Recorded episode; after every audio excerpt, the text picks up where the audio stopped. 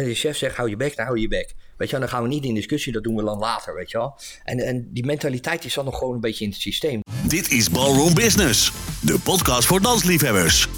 Waar sport, kunst, onderwijs en ondernemen samenkomen. Dit is Robin, oprichter van Fellerstep. En dit zijn de verhalen van dansers en ondernemers die de wereld elke dag een beetje mooier maken.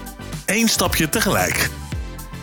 Onze gast van vandaag is een dansschoolhouder met een bruisende dansschool, best wel ver van ons vandaan. Gelukkig is hij helemaal naar ons toegekomen om vandaag te gast te zijn in deze nieuwe aflevering van de Ballroom Business Podcast.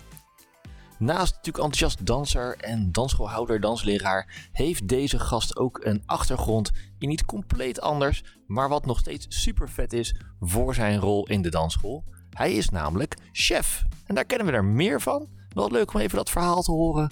En hoe dat dan weer doorwerkt in de feestjes die hij bijvoorbeeld geeft. En of daar dan ook misschien wat extra catering bij zit. We gaan het allemaal aan hem vragen zometeen. Misschien ken je hem ook wel van zijn rol bij de Koninklijke Nederlandse Vereniging van Dansleraren.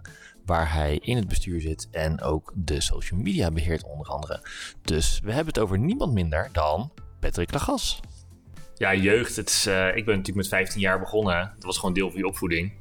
En daar hoor je heel veel mensen volgens mij nog steeds over. Dat het eh, echt van je Ja, je was. hoort wel veel mensen dat zeggen. Ja, vroeger hoorde het bij je opvoeding. En, da- en dat, dat, dat doet me altijd pijn. Vroeger. Ja. Vroeger betekent zeg maar dat ik ook oud ben.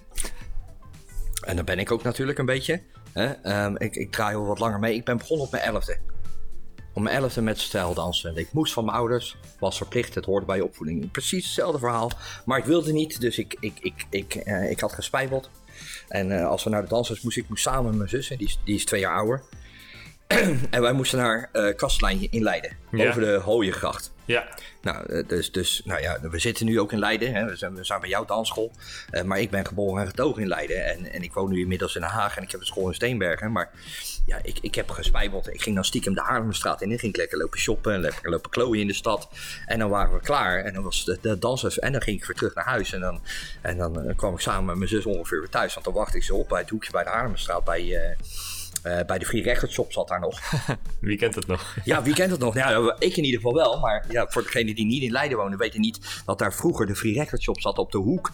Bij de oversteekplaats tussen het derde gedeelte, want dat is officieel het derde gedeelte van de Haarlemstraat. hè. Je hebt drie gedeeltes.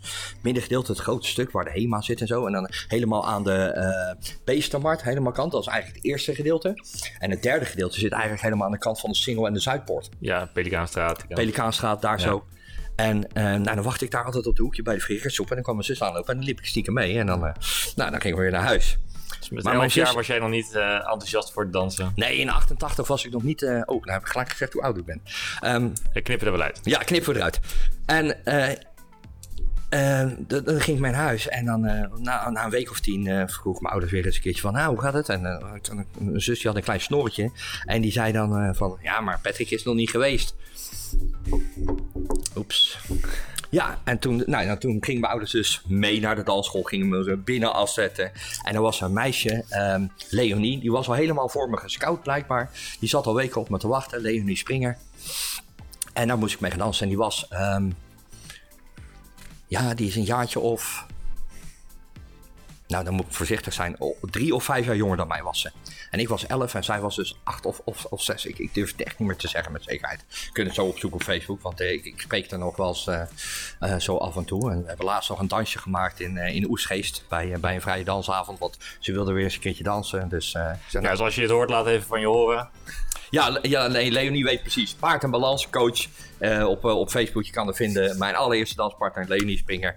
En eh, nou ja, afijn, wij gingen dansen. Maar ik moest dus van mijn ouders verplicht een tweede seizoen. Omdat ik eigenlijk dus... Ik hoefde maar één seizoen. Ja, ik geloof het of niet. Je moet, en ik moest verplicht een tweede seizoen omdat ik had. Dankzij mijn zus. En, ehm, ja, en dan kom je een beetje 12, 13. En dan ga je toch op een het interessanter vinden. Want jongens zijn populair. Jongens zijn populair in de dansschool. Ik snap niet waarom jongens niet willen dansen. Want jongens zijn populair in de dansschool.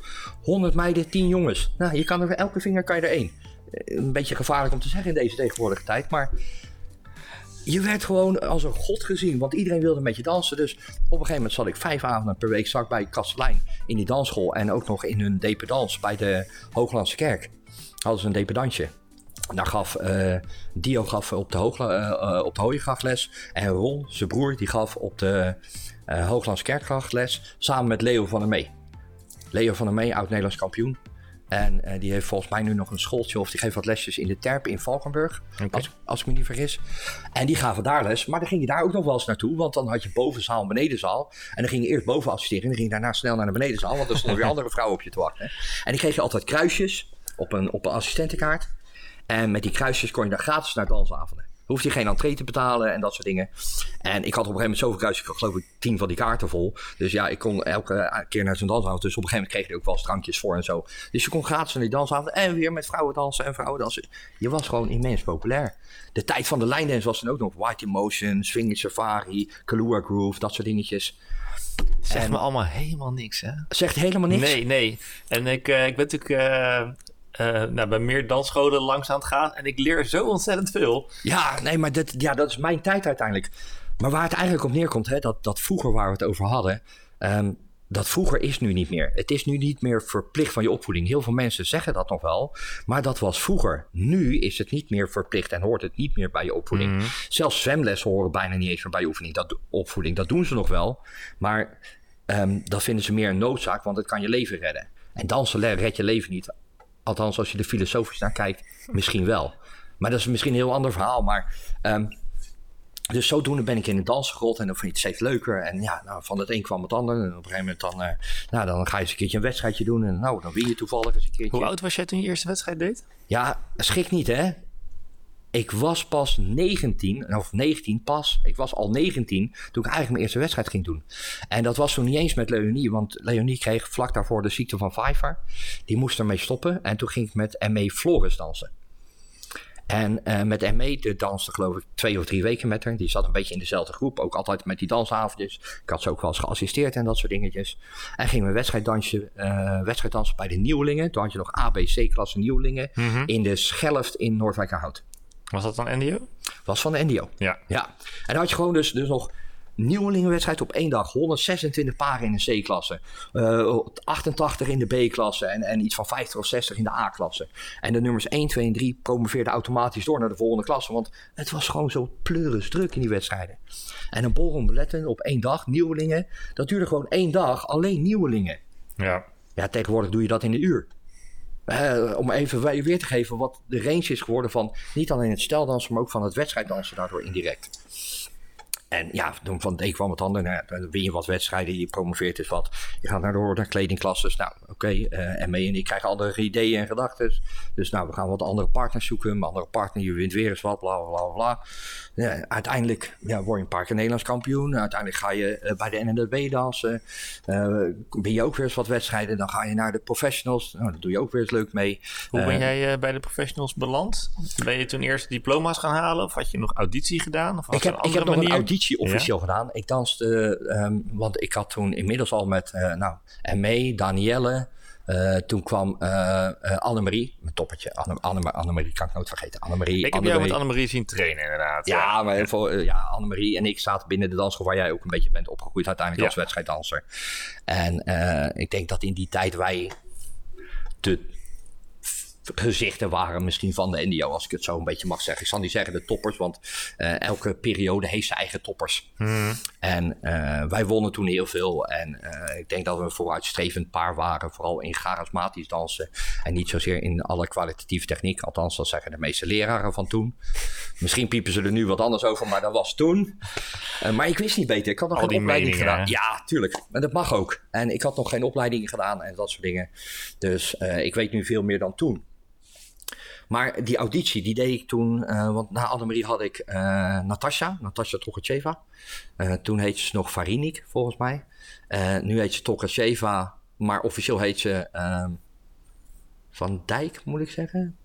Eh, ze is getrouwd met Ben, dat weet ik wel. Ehm, vraag me even niet naar de achternaam, maar op Facebook staat ze nog steeds als Tokacheva. En ze danst nu met die Peter Schouwer. En, en, en, en ze doet het geweldig natuurlijk, hè? Blackpool en eh, WDSF-wedstrijden. eh, super top gewonnen, allemaal dat soort dingen. En toen kwam ik bij Anna Nietbouw, een Poolse dame die in Nederland woonde. En nou, toen hebben we eigenlijk in eerste instantie hebben we auditie gedaan. Omdat ik had nog geen papieren, maar ik was wel inmiddels met mijn eigen dansschool begonnen al. Dat was eh, in 2008. En eh, ik wilde wel de opleiding gaan doen. Alleen ja, eerst die dansschool opstarten. En dat, dat was gewoon te veel om dansschool opstarten en die opleiding doen. Dus ik heb eerst een jaar die dansschool opgestart. Maar ik wilde ook professionals dansen.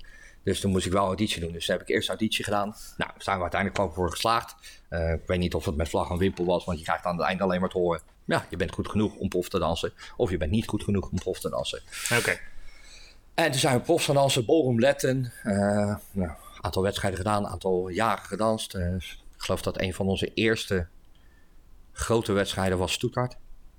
German Open. Echt. Ik ben nog nooit zo bang geweest om een wedstrijd te dansen. Ja? Ja, oh, zeven kleuren stront scheet ik in mijn broek. Echt niet normaal. En dat, dat, was niet letterlijk natuurlijk, maar ik weet nog goed, wij, wij, um, ik, ik had volgens mij eerst de Wooden Shoe gedanst in Nederland. Gewoon een Grand Prix. Ja. En daar, uh, daar werden we volgens mij derde, als ik me niet vergis. Uh, Grand Prix. En toen was Hoefnagel geloof ik één en Peter Muller was vol. Of nee, Peter Muller was één, Hoefnagel was twee en wij waren drie of zo geloof ik. En uh, bij de Letten was Erik Kok één en wij waren twee. Ja, gaan we niet vragen of er nog meer paren waren. in de Letten in ieder geval niet, in de Ballroom wel, maar in de, in de Letten waren maar twee paren. Maar ja, oké, okay, Kok was al een gevestigde naam tegen die ja, tijd natuurlijk. Ja, ja. Hè? En Hoefnagel was ook al een gevestigde professional, al enigszins. Nou, Peter Muller hoef ik niet uit te leggen, dat, dat spreekt ook een beetje voor zich. Uh, ik weet dat er bij de Ballroom nog één of twee paren bij waren, waren volgens mij met z'n vier of vijf. Dus we werden in ieder geval niet laatste. Ja. Hey, pff, prima. Uh, zo moet je toch ergens beginnen. Dat, zo is met, met amateurs ook begonnen. Ik was in Salau, 65 van de 68. Nou, bedoel ik. Waren er drie geblesseerd, ja. Dan moet je er niet bij vertellen. Maar weet je, niemand vraagt hoe die wedstrijd is gegaan. Weet je wel, niemand vraagt van uh, hoeveel waren er eigenlijk bij. Maar toch voor jezelf, je wil eigenlijk nooit laatste worden. Hmm. Als je dan toch meedoet en het is een eerste wedstrijd, je wil niet laatste worden. En dat is ook niet gelukt. Ja, let en wel, maar er waren er maar twee. Dus je wordt eerst of je wordt laatste. Ja. Uh, dat, dat, dat, dat kan ook niet anders. Is ook niet erg. Maar toen gingen we naar Stuttgart. Grand Slam. En we dansten de eerste Grand Slam en een paar dagen later was pas de Rising Star. En de Rising Star dans je dan in die andere zaal, uh, maritiem zaal volgens mij. Een wat kleinere zaal, zeg maar. Um, uh, nou ja, kleiner. Maar ook nog steeds een behoorlijk ruimte hoor. Dat redden we hier niet. Ja. Maar daar in ieder geval wat minder bombastisch en die grote tribunes. Maar die, die Grand Slam, dat was toen nog een Grand Slam. Um, dat was ook met live orkest. Oh shit, was ik ook even vergeten dat we op live orkest moesten. En voor me in de serie, want ze staan met die bordjes. Hè. Dan is deze serie, deze serie. Dan moet je tussen die bordjes blijven staan wat jouw serie is. Dus het is niet zomaar van ga maar ergens staan. Hè. Er staat eentje, een bordje met serie 1. Dan moet je, als je bij serie 1 hoort erachter staan. En ga dan niet achter bij het bordje bij 2 staan, want daar hoor jij niet. Hmm. Serieus.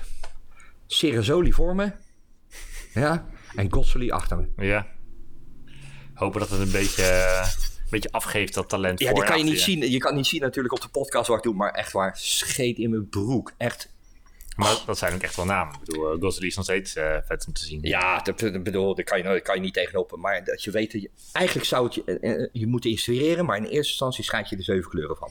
Dan denk ja, wat doe ik in deze serie? Wat doe, ja, doe ik hier tussen? Wat doe ik hier? Ja, ja. En ik weet mijn uitslag niet meer exact, maar we waren niet laatste. Top. We waren niet laatste op de eerste wedstrijd. En uh, volgens mij waren we in, later in de. Uh, wat weet je, in de Rising Star waren we iets van 27 of zo van.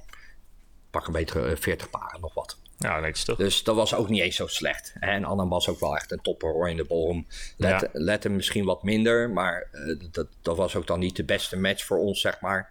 We konden goed dansen samen, maar het klikte uiteindelijk niet. Dus uiteindelijk ging dat ook weer kapot na een jaartje of drie. En toen heb ik nog twee jaar niks gedaan volgens mij. En toen ben ik nog heel even kort in 2013, 14, 15 of 14, 15, 16... ben ik nog even met Anne teruggekomen voor showdance. En wat gewone Grand Prix bij de professionals. En nog een paar leuke wedstrijdjes gedanst. Vice-kampioen showdance geworden. E-kaartje, W-kaartje gedanst. Leuk om mee te maken. Weet Ja. wel? Je kan, ik kan mijn boek openslaan en zeggen... Nou, ik heb alles gedaan. Van amateurs, beginners tot professionals. Eh ballroom, Latin showdance. Ik heb kampioenschap gewonnen. Ik heb vice-kampioenschap gewonnen. Ik ben prof geweest. Ik heb internationaal gedanst. Ik Ja. heb internationaal gejureerd.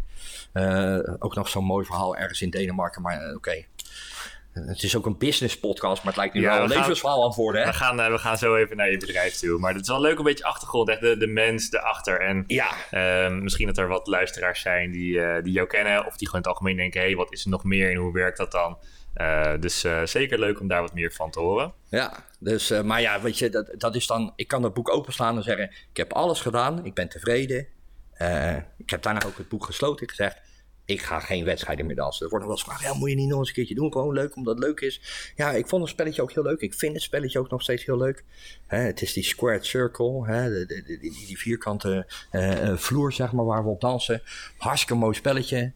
Maar ik heb mijn tijd gehad. Ja. Ik ga richting de 50. Het is mooi geweest. Moeten we uitknippen. Wat, dat ik 50 ga? Ja, maar dat had zo hard kunnen rekenen. Ik had gezegd dat ik in 88 11 was. Dus een kwestie van uitrekenen. Ja, en over leeftijd gesproken. Je, je zei al, school is eh 2008. Eh, daar was je toen mee begonnen. Die, Ja. eh, nu 15 jaar, ook eh, mooie leeftijd, beetje een jubileum. Ehm, Ja, officieel natuurlijk wel een jubileum. Ehm, alleen, eh, ja, laten we heel eerlijk zijn. Corona heeft niet in de koude kleren gezeten. Daar hebben we nog steeds wel de financiële zorgen van. Van al die perikelen. Ehm, heel even terug naar het begin. Je, je was, eh, je was nog geen professional. ja, Eh, maar je had wel besloten van... hé, hey, ik ga een dansschool Beginnen. starten. Beginnen, ja. Ja. Ben je echt gewoon vanaf nul een dansschool begonnen? Nee, nee, nee, nee, nee, nee, nee. nee. Ehm, ik, ik ging natuurlijk eerst, ik had, nou ja, niet eerst, ik had daarvoor in, moet ik even goed zeggen, 2006 denk ik ongeveer, ehm, had ik de danssporttrainersopleiding gedaan van de NADW.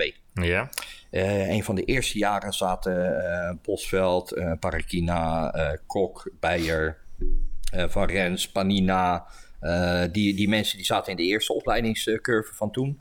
En in de tweede opleidingscurve zaten Hoefnagel, ik, eh, Martijn Mennes, eh Annemarie zat erin, Eddie Spier zat erin. ehm, eh, hoe heet die jongen nou, die, die Argentijnse tangenkampioen? Die komt eigenlijk uit Steenberg. Wat nee, ben ik zijn naam vergeten. Heb ik nog vroeger tegen gedanst op de vloer. Steenbergenaar. Oh, dans met die Marga Wouters uit België. Hij danste vroeger ook bij Lisse, bij Peter en Rachel van de Week. Peter Rombouts. oké. Zo'n bekende naam, maar... Peter Rombouts. Ehm, die zat in die groep. eh, En dat was een beetje het clubje van toen. Volgens mij Janneke Vermeulen ook. En eh, dan zaten we ergens in de buurt van Nijmegen. Had je drie weekenden opleidingen. En dan moest je van alles doen. Inspanning fysiologie, biomechanica, muziek. eh, ehm, eh, eh, wat was het? Onderwijskunde 1, 2 en 3. Eh, en dan moest je ook nog een stukje dansen. En dan was je danssporttrainer. Ja, En dat had ik eerst gedaan. En daar vanuit zei ik van... "Ah, Ik vind het leuk genoeg om les te gaan geven. Ik wil les gaan geven. En ik zat natuurlijk bij Kees.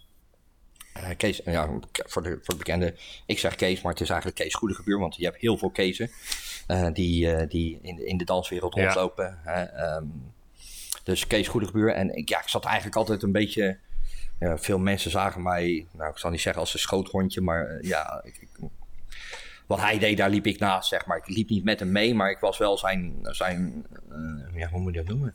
Zijn eerste man, of ik was zijn eerste secondant, of weet ik veel hoe je dat moet noemen. Ik, ik leerde van hem. ja. Ik leerde ook van hem vak. Ik had daar ook wel wat danslesjes, clublesjes overgenomen op een gegeven moment. Hè, want ik was, zoals dat heette binnen de school, de teamcaptain. ja. Eh, dus volgens mij ben ik jouw teamcaptain ook nog wel eens geweest in een bepaalde periode. Bij, eh, bij Cultura toen. eh, ja, dat denk ik wel. Ja. Ja, met die blauwe, flauwblauwe hesjes.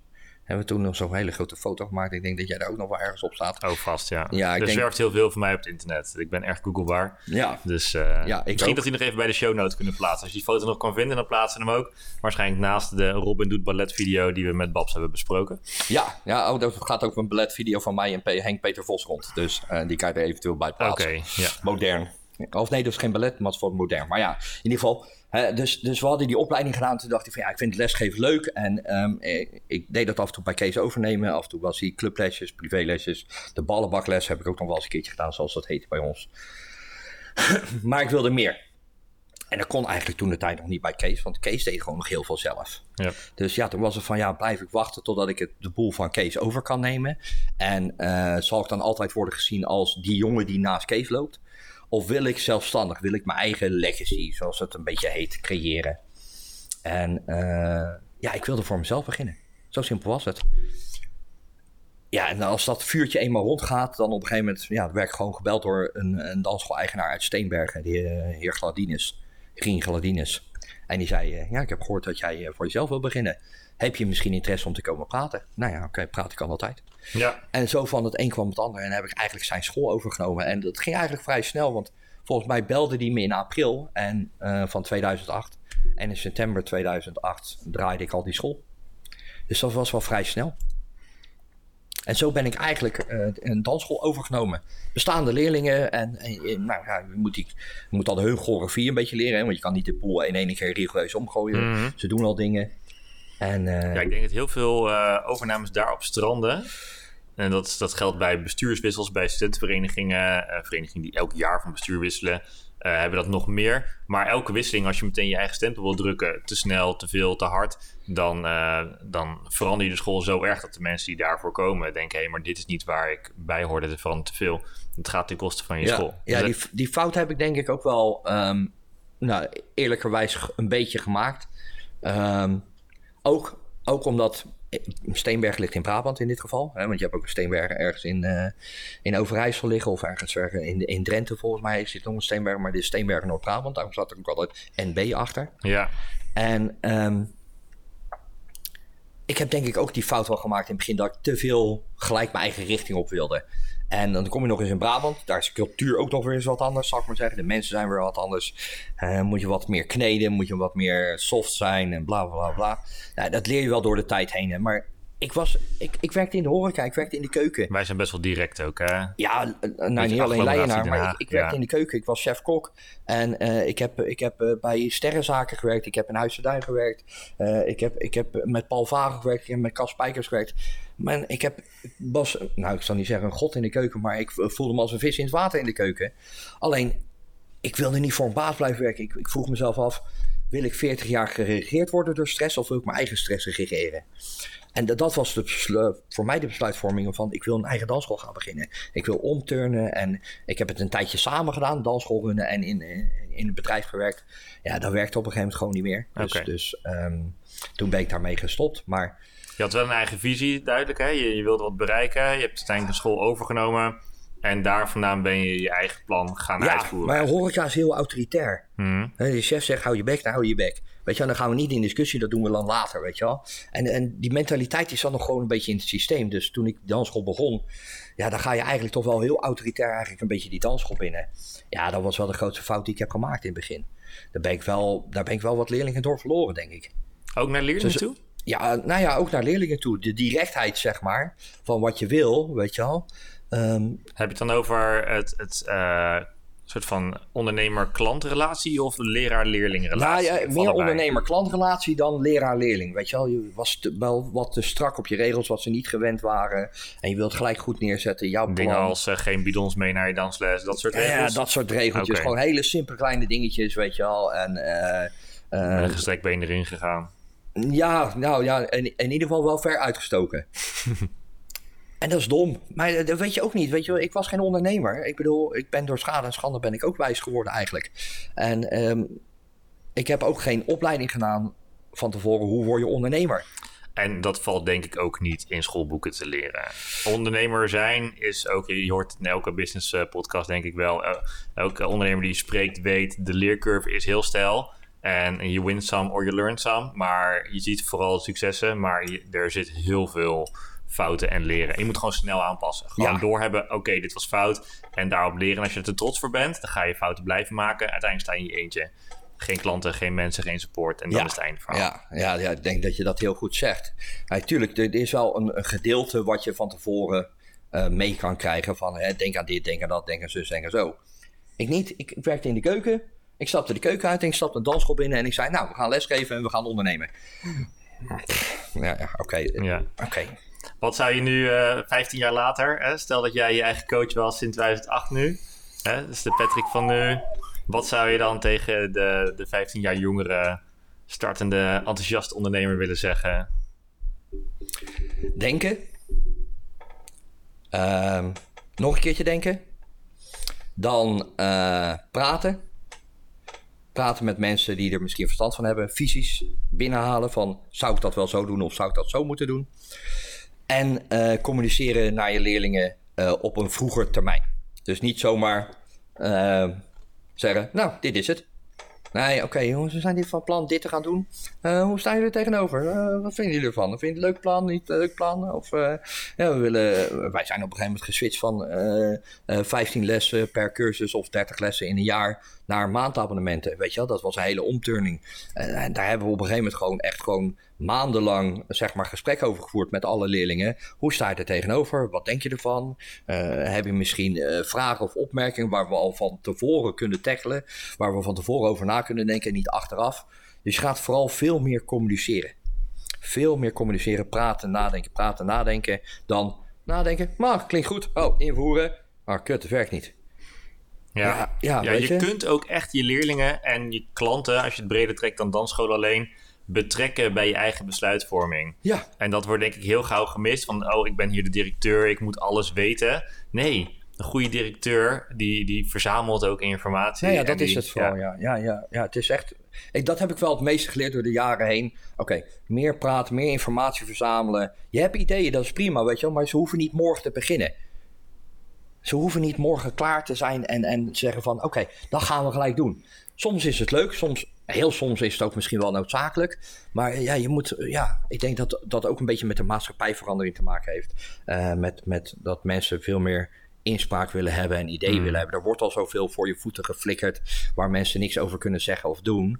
En, en dat stuit mensen tegen de borst. Mensen willen, willen ook volgens mij veel meer meepraten. Ja, en wat je zegt over het hoeft niet meteen, dat, die voel ik ook echt zelf meteen als ik een idee heb, dan wil ik het gelijk beginnen. Het ik wil het meteen uitrollen. En ik ben, mijn hoofd gaat super snel. En vaak denk ik sneller omdat ik kan praten. Dus dat gaat dan ook nog wel eens mis. Maar als ik idee heb en, en ik heb er heel veel zin in, dan is het gewoon huppatee, vol gas aan de slag, aanpakken en door. Maar ja, uh, succes staat echt wel ook met de tijd nemen, goed voorbereiden. En uh, ook, ja, ik denk hardop na. Misschien jij dan ook. Uh, maar dingen in, in de week leggen, kijken hoe de reacties zijn, ballonnetjes oplaten, kijken hoe mensen reageren. En ook vragen van, joh, we denken aan deze of deze, heb je een voorkeur? Uh, denk dat het een, een, heel fijne samenwerking is. Ik denk dat mensen zich heel gehoord voelen ook. En... Ja, dat, uh, dat, dat is zeker wel wat je de laatste tijd Althans, wat ik de laatste tijd merk binnen, binnen mijn school, dat mensen dat heel erg prettig vinden. En neem maar heel simpel, wat je wel, als je een cursusdag of je wil groepen bij elkaar gaan voegen, bij wijze van mm -hmm. Want uh, de week is niet oneindig qua uren. Dus, dus op een gegeven moment worden groepjes ook soms wat kleiner, doordat mensen andere dingen gaan doen. Of dat ze na uh, vijf jaar zeggen van nou, we vinden het wel weer eens leuk geweest. We gaan weer eens wat anders doen of whatever. Je hebt altijd inloop en je hebt altijd uitloop voor je ja. lessen. Life maar, happens, zeggen wij vaak. Ja. Verhuizingen, nieuwe baan, zwangerschappen, dat soort uh, dingen. Nou, noem komen veel langs. Dus op een gegeven moment is zo'n groepje zeg maar eigenlijk te klein voor het mooie om, om in stand te houden. En dan moeten er eigenlijk twee groepjes bij elkaar. Nou, dan ga je dan in een jaar tijd ga je een beetje die niveaus naar elkaar brengen. En dan voeg je samen. Maar ja, dan is wel belangrijk. Gaan ze nou van de ene dag naar de andere dag? Of van de andere dag naar de ene dag? En wat doet dat met hun schema's? Want iedereen zit vol, jongen. Dat is echt niet normaal. Ja, ik heb, uh, ik heb tijd op zondag om op dansles te gaan, maar niet op maandag. Dus ja, ik kan niet mee verhuizen naar de maandag. Dus als je gaat verhuizen, die mensen van de zondag naar de maandag, dan verlies je ze ook. Weet je wel, dus, dus hoe ga je daar dan weer mee om? Dat, dat zijn allemaal van die dingen. Dat is echt heel veel praten en ja, een soort coachen naar jezelf. Ja, zeker. Ja, ja. Heb jij een, uh, een team, echt een docententeam een ondernemersteam, mensen met wie je samen die dansschool draait?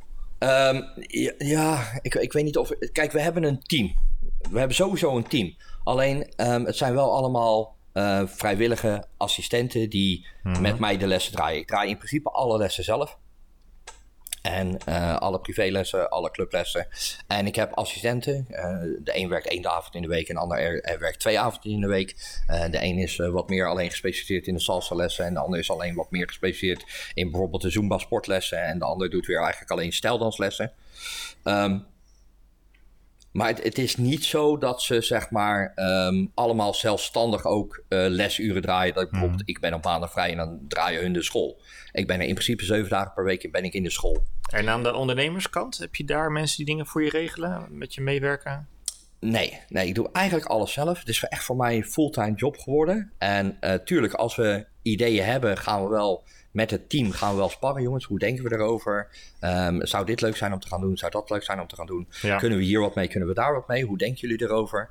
Uh, ik heb natuurlijk ook wel gewoon mijn mensen die zeg maar gewoon uh, de financiële kanten controleren en bijhouden. Dat zijn gewoon je boekhouders die af en toe zeggen van nou, misschien moet je hier nog eens even aan denken om te kijken of daar nog wat, uh, waar je nog wat geld kan genereren. Hè? Want ochtenduren zijn vaak, onze dansscholen zijn heel vaak leeg. we kunnen wel Zumba doen, maar, of sportlessen, maar ook dat is natuurlijk niet heel erg breed, zeg maar. Dus als je zeven dagen per week ook wil zijn, ja. Als iemand is die als yoga studio die het bedrijf wil huren, nou ja, ga, je gang, weet je wel. Dan ga je gewoon je pand verhuren overdag. Ja, Alleen ik, heb, ik heb een klein probleem in dat opzicht. Ik, ik woon natuurlijk in Den Haag en mijn bedrijf zit in Steenberg. Dus er zit een uur reistijd tussen. En probeer het rendabel te maken. Dat als je die kant op gaat, dat je dan wel efficiënt uh, bezig bent. Juist. Dus, dus dat is dan mijn manco een beetje. Dat uh, als ik dat dan ga doen, dan moet ik ook wel blind vertrouwen. Hier heb je sleutel en het komt allemaal goed. En ik ben wel persoonlijk wat moeilijk af en toe met dingen uit handen geven. Ik ben wel graag een, een beetje een controlfreak wat dat betreft. Maar ik denk dat veel dansleraren dat zijn. Die zijn graag in controle. Uh, zeker de mannen in de dansleraren zien, denk ik. Want die zijn gewend leiding te geven tijdens... Althans, ze horen leiding te geven tijdens de dans. Ik weet niet of ze het gewend zijn, omdat ze het altijd doen. Maar dat is weer een hele andere discussie. Ja. Maar um, ik denk dat de mannen wel over het algemeen een beetje controlfreak zijn... En, en heel graag de touwtjes in handen willen hebben. Ik denk dat het ook een, uh, een ondernemersding kan zijn. Jij hebt natuurlijk een bepaalde drive van... hé, hey, maar ik wil gaan voor mezelf, want ik heb een visie en ik wil dit gaan bereiken... Um, zeker als dat aanslaat en het gaat goed. Het gaat goed, dus je groeit, dus je kan niet alles zelf meer doen. Je hebt andere mensen erbij nodig om het uh, haalbaar te houden. Dan is het wel belangrijk dat het blijft gaan op de manier wat het een succes heeft gemaakt. Juist. En ik vind het zelf ook heel spannend om dingen uit handen te geven als ik vind dat ik ergens heel goed in ben. En dat kan zijn omdat ik het zelf vind of omdat de feedback en de resultaten daar ook naar zijn. Maar uh, als een ander het gaat doen, dan gaat het nooit exact zoals je het zelf zou doen. En dat is oké. Dat is oké. Okay. En, en, dat is wel lastig om soms te accepteren in, uh, in, in dat opzicht. Uh, want je wil graag dat, dat de manier hoe je... Nou ja, ik zeg gewoon zo. Niemand kan Patrick zijn. En niemand hoeft Patrick te zijn. En misschien is het ook beter voor de wereld dat niet iedereen Patrick is. Sommigen vinden eentje al genoeg. Ja, ja. dat is wel degelijk waar. En, en iedereen moet zijn eigen identiteit hebben. Maar um, het gaat niet zozeer om de manier van lesgeven. Want ik doe het met een grapje en een grolletje. En het grapje en het grolletje wat ik maak, dat past bij mij. En dat accepteren mensen van mij.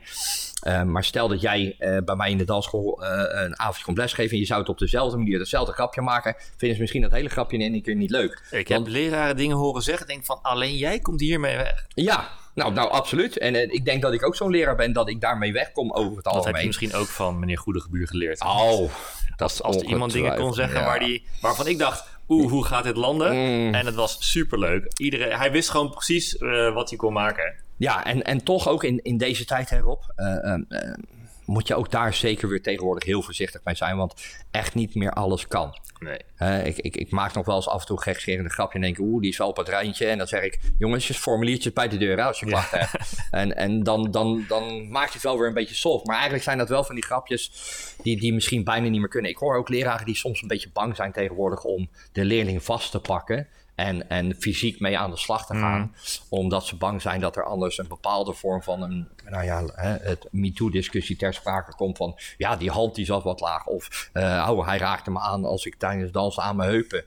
Heel veel leraren hoor ik toch wel die daar toch, nou niet angstig voor zijn, maar heel voorzichtig mee omgaan. Nou, ik ben van oorsprong gymleraar. Ik heb HALO gedaan. Ja. Dus um, daar heb ik basisschool gymles moeten leren geven en middelbare school. En weet je, als je stage loopt in een meidenklas 2 HAVO, dan heb je sowieso um, Maar daar, daar is het duidelijk onderdeel van de opleiding om daar op een bepaalde manier mee om te gaan. En dat hoeft niet in detail nu hoe dat daar precies gaat. Maar in mijn danslessen, um, als het een privéles is, je wil even met iemand dansen, uh, vind je het goed ik even dichterbij kom? Mag ik tegen je aanstaan? Dus ik benoem het gewoon en dat is heel vaak. En heel vaak zeggen mensen, ja, de, het is dansles. Maar liever dat ik het wel vraag en dat ze zeggen ja hoor is goed. En uh, bij de beginners is het, mag ik even aan je arm zitten. En dan ik gebruik gewoon één vinger om die elleboog iets omhoog te duwen.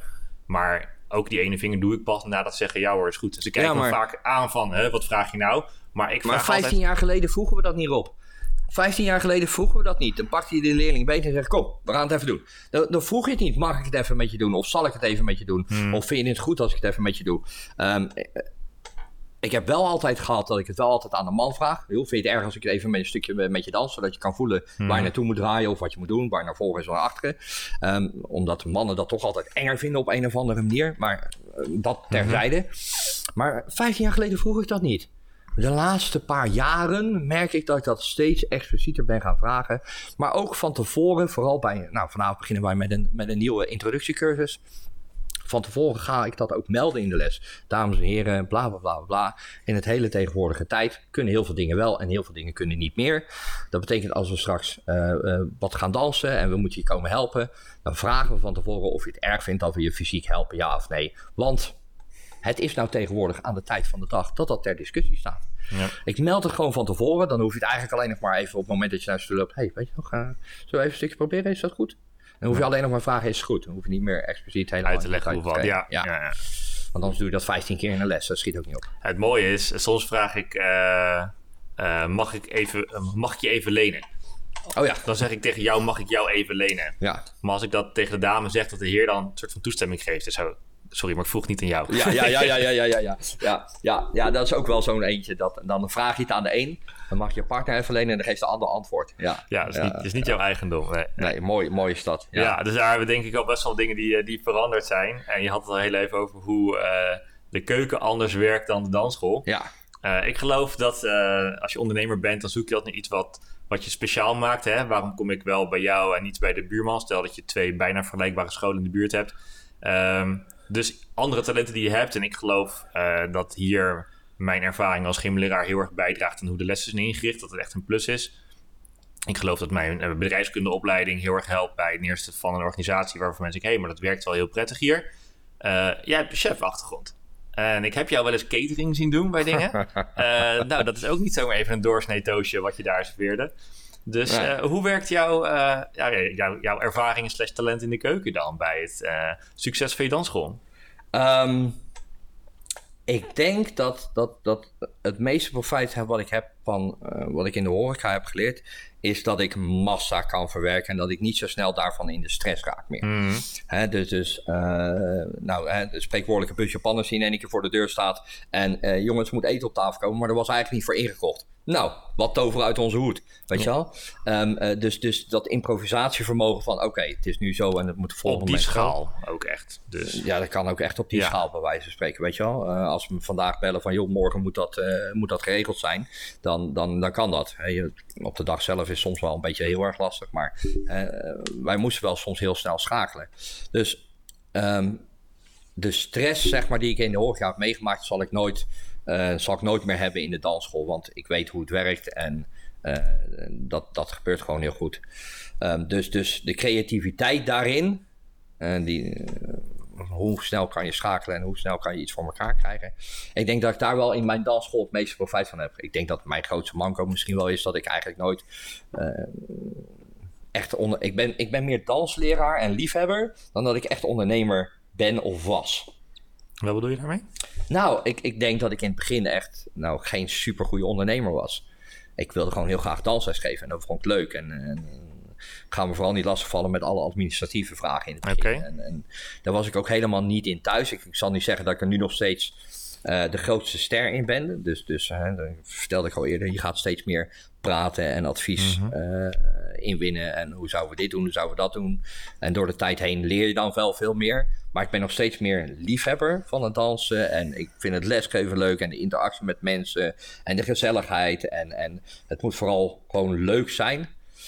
Terwijl ik vroeger was ik meer, oké, okay, en dit moet gebeuren en dat moet gebeuren. En de zus moet goed zijn en zo moet goed zijn. En, uh, um, en daardoor vergat ik eigenlijk een beetje ook te ondernemen. En te kijken naar, oké, okay, aan het einde van de rit, ja, wat staat er nou daadwerkelijk onder de streep? En uh, hmm. wat moeten we volgend jaar gaan doen om te zorgen dat we uh, uit blijven komen. En dat we een centje verdienen en dat we wat overhouden, weet je wel? Dat soort dingen. Ja. Want hoe hou jij overzicht over je verschillende projecten? Of heb jij voor jezelf... Uh, denk, jij echt in, in de vorm van project of is het gewoon een, een doorgaand geheel? En, en wat zijn dan de KPI's waarop jij stuurt? Wat vind jij belangrijke van variabelen? Kijk je naar je leerlingaantallen? Kijk je alleen naar onderaan de streep en het resultaat?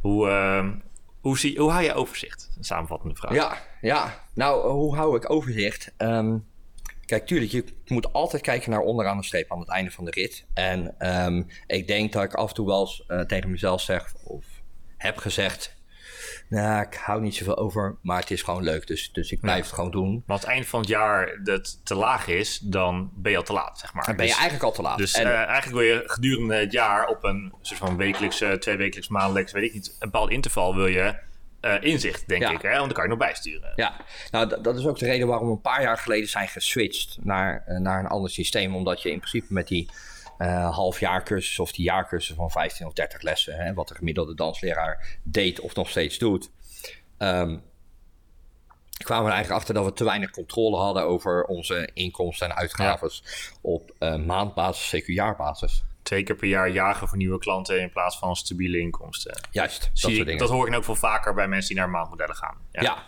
En eh, dus, dus dat was een reden waarom we zijn geswitcht. Eh, en dat we meer instroommomenten creëren. Kijk, wij hebben eh, qua oppervlakte een, een geen supergrote school. Wat eigenlijk heel fijn is voor dit systeem. Want ehm, als je vijf koppels of tien koppels op de vloer hebt staan, kan het ook al heel gezellig zijn in een kleinere ruimte. Dan wanneer je een hele grote ruimte hebt en met die vijf of tien koppels zeg je dan eigenlijk: het is niet rendabel om dit uur te draaien, dus ik start hem niet op. Uh, die mensen moeten wachten tot een volgende opstartmoment. En wij proberen eigenlijk elke twee maanden dat mensen in kunnen stromen. En dan ook door de soorten abonnementen die we hebben en de bijlessen die ze kunnen hebben, uh, dat, dat ze eigenlijk kunnen doorstromen op hun eigen snelheid. Weet je wel? Dus een lesjaar hoeft geen lesjaar te duren. Als mensen dat lesjaar in een half jaar willen doen, prima, kan dat ook. En dan zitten ze dus na een half jaar zitten ze al op niveau uh, 1 of 2, in plaats van op, gewoon op het beginnersniveau. Ja, dus met het maandmodel kan je veel. Zie jij dan per maand gewoon het aantal mensen wat in een bepaalde module zit? Of? Ja, ja ik, zie, ik zie dat gewoon wat. wat uh, en, en het gros, nogmaals, het gros volgt gewoon hun wekelijkse lessen. En die willen niet heel veel sneller en die willen wel wat, wat lesjes voor technieken erbij. Maar er zijn wel mensen die stromen in en die zeggen: Nou, mag van mij wel wat sneller, want dat is dan de snelle leerling, zal ik maar zeggen. Hmm. En nou, die leren dan een beetje bij en die gaan dan door naar een volgende groep. Maar door dat model heb ik wel meer inzicht gekregen wat er gewoon maandelijks aan leerlingen omzet was. Ten opzichte van bar omzet, ten opzichte van feesten en partijen. Is dat van een boekhouding tool dan? Uh, of, uh, ja. ja, misschien wel. Want, ja. ja, je mag de naam ik... noemen hoor, ik weet niet. Uh, is het onderdeel van, van je website? Of hoe, wat voor tools gebruik je? Nou ja, de, nou ja ik, heb, ik heb in dat opzicht heb ik geen, geen tool. Ik heb, ik heb gewoon mijn boekhouder uh, -hmm. die dat voor me doet. En uh, die houdt dat bij. En, maar doordat ik die, die inzicht had in die, in die, in die cursus, merkte ik eigenlijk van: oké, okay, wacht even. Dit is mijn wat mindere periode. Want in de zomervakantie gaan er toch wat leerlingen op vakantie. En dan heb je wat minder inkomsten. Daar heb je wat meer inkomsten. Um, maar je zag te laat in eerste instantie met, met, dat, met dat andere systeem hoeveel leerlingen of er weggingen per half jaar of per jaar uh, dan daarvoor. En um, ik merkte dat ik dan te laat was met ingrijpen om te zorgen dat er nieuwe aanwas binnenkwam. Uh, hoe moet je blijven adverteren? Hoe moet je je leerling naar je school blijven halen? En ik heb nu gemerkt dat als ik, nou zeg even zes keer per jaar, vijf koppeltjes binnenhaal, dat dat eigenlijk veel beter is dan één keer per jaar 15 koppels. Ja. Zo simpel is het, omdat ze meerdere instroommomenten hebben. Als, als die leerling zich nu meldt, dan willen ze eigenlijk tussen nu en twee maanden willen ze kunnen starten. Dat is waar we achter zijn gekomen. En als jij zegt van ja, we beginnen pas weer in januari. Hè, dus we hebben de meeste dansscholen hebben september, dan hebben ze opstartmomenten. En dan, en dan de volgende opstartmoment is meestal februari of maart voor de tweede seizoen zelf. Ja. Maar melden zij zich in oktober en hebben ze het eerste gedeelte gemist. En zijn ze niet bereid om een extra centje te investeren om aansluiting bij die groep die al anderhalve maand onderweg is, aansluiting te vinden. Maar ze willen ook geen 3,5 maand wachten. En als ze dat bij mij wel kunnen, en ze melden zich bij mij, oh je kan uh, over, uh, nou vier weken kan je starten, over drie weken kan je starten. Doe nog zes weken gaan we starten. Oh, dan al? Ja, maakt niet uit, kan je instromen elke twee maanden. En dan heb je misschien wel wat kleinere clubjes in, de, in het vroege stadium, maar die schuiven toch wel in elkaar door die leerling die wat sneller wil, de leerling die wat langzamer wil, de leerling die een bepaalde module van, van twee maanden nog een keertje wil doen, omdat ze het niet bij kunnen houden, of omdat ze lastig vinden, of omdat ze niet het supertalent zijn, of dat ze gewoon een slechte leraar hebben. Ligt er maar net aan hoe je er naar wil kijken. Ja. En dat zorgt er wel voor dat aan het eind van het jaar um, de leerlingenaantal gestaagd en gecontinueerd groeit. En niet heel erg groei in het begin. En dan valt het heel ver terug en dan kom je er eigenlijk heel laat achter. En dan, ja. waar zijn ze gebleven? Ik denk dat het wel een heel mooi, uh, mooi inzicht is. Want uh, aan alle knoppen waar je kan draaien als ondernemer. Ik denk voor misschien sommige dansscholen uh, dat de indeling in semesters gewoon een gegeven is. Want dat is nou eenmaal zo. En dat ze niet doorhebben dat het ook een knop is waar ze aan kunnen draaien. Je kunt af van een model met een soort van 40 lessen per kalenderjaar. En dat is dan gewoon je cursus. Uh, of dat je zegt, we doen er, wij doen er 22 in een jaar. Uh, er zijn veel meer systemen die ook zouden kunnen werken. Ja, ik denk, ik denk niet dat er um, één ultieme waarheid is. Hè? Want wat, wat bij jou werkt, hoeft bij mij niet te werken, weet je wel. Of wat bij mij werkt, hoeft bij een ander niet te werken. Uh, dit is ook maar een beetje waar ze mee worden opgegroeid en, en, en hoe je ze opvoedt in dat opzicht. Alleen tijden veranderen. Hè? De tijden van de maatschappij verandert. En wat vroeger gebeurde, gebeurt nu niet meer. En uh, mensen, nou, ik zei het eerder al, uh, agenda's zitten vol. Mensen, op maandag heb ik tijd voor dit, op dinsdag heb ik tijd voor dat. Op, uh, op, op, donderdag zit ik in dat clubje. Op vrijdag gaan we altijd met tante Joke drinken. En op zaterdag hebben we alle feestjes en partijtjes, dus die houden we liever vrij. En uh, nou, op zondag moet ik ook wel een beetje uitrusten. Gaan we nog naar de sportvereniging. Weet je wel, dus die agenda's zitten zo volgepland dat vroeger waren mensen flexibel om naar danslessen te komen. Ja, dus wij gaven gewoon dansles. Op die avond geven dit, die avond geven dat, die avond geven dat. Er werd omheen gepland. Hè? Het was belangrijk genoeg. Dat deed je nou eenmaal. Je kon niet, want je moest dansen. Juist. En, en nu is het wel... Uh, nu is het eigenlijk andersom. Wij moeten als dansschoolhouder, denk ik, flexibeler zijn in het opstarten van onze lessen. Uh, onze cursussen, vooral de beginners. Ik probeer echt elke, um, elke keer dat ik een nieuwe groep opstart, op een andere dag op te starten dan die keer daarvoor. Ik probeer dat zoveel mogelijk te verdedigen. Kijk, er zijn bepaalde dagen dat ik het sowieso niet doe. Dinsdag bijvoorbeeld altijd mijn standaard inhaallessen met sportlessen en dat soort dingetjes. Maar uh, bijvoorbeeld, nou, nu starten we op maandag op. En over een paar maanden gaan we waarschijnlijk op zaterdag weer een groep opstarten. En daarna staat het in de planning volgens mij op donderdag. En dan die keer daarna staat die op zondag weer ingepland.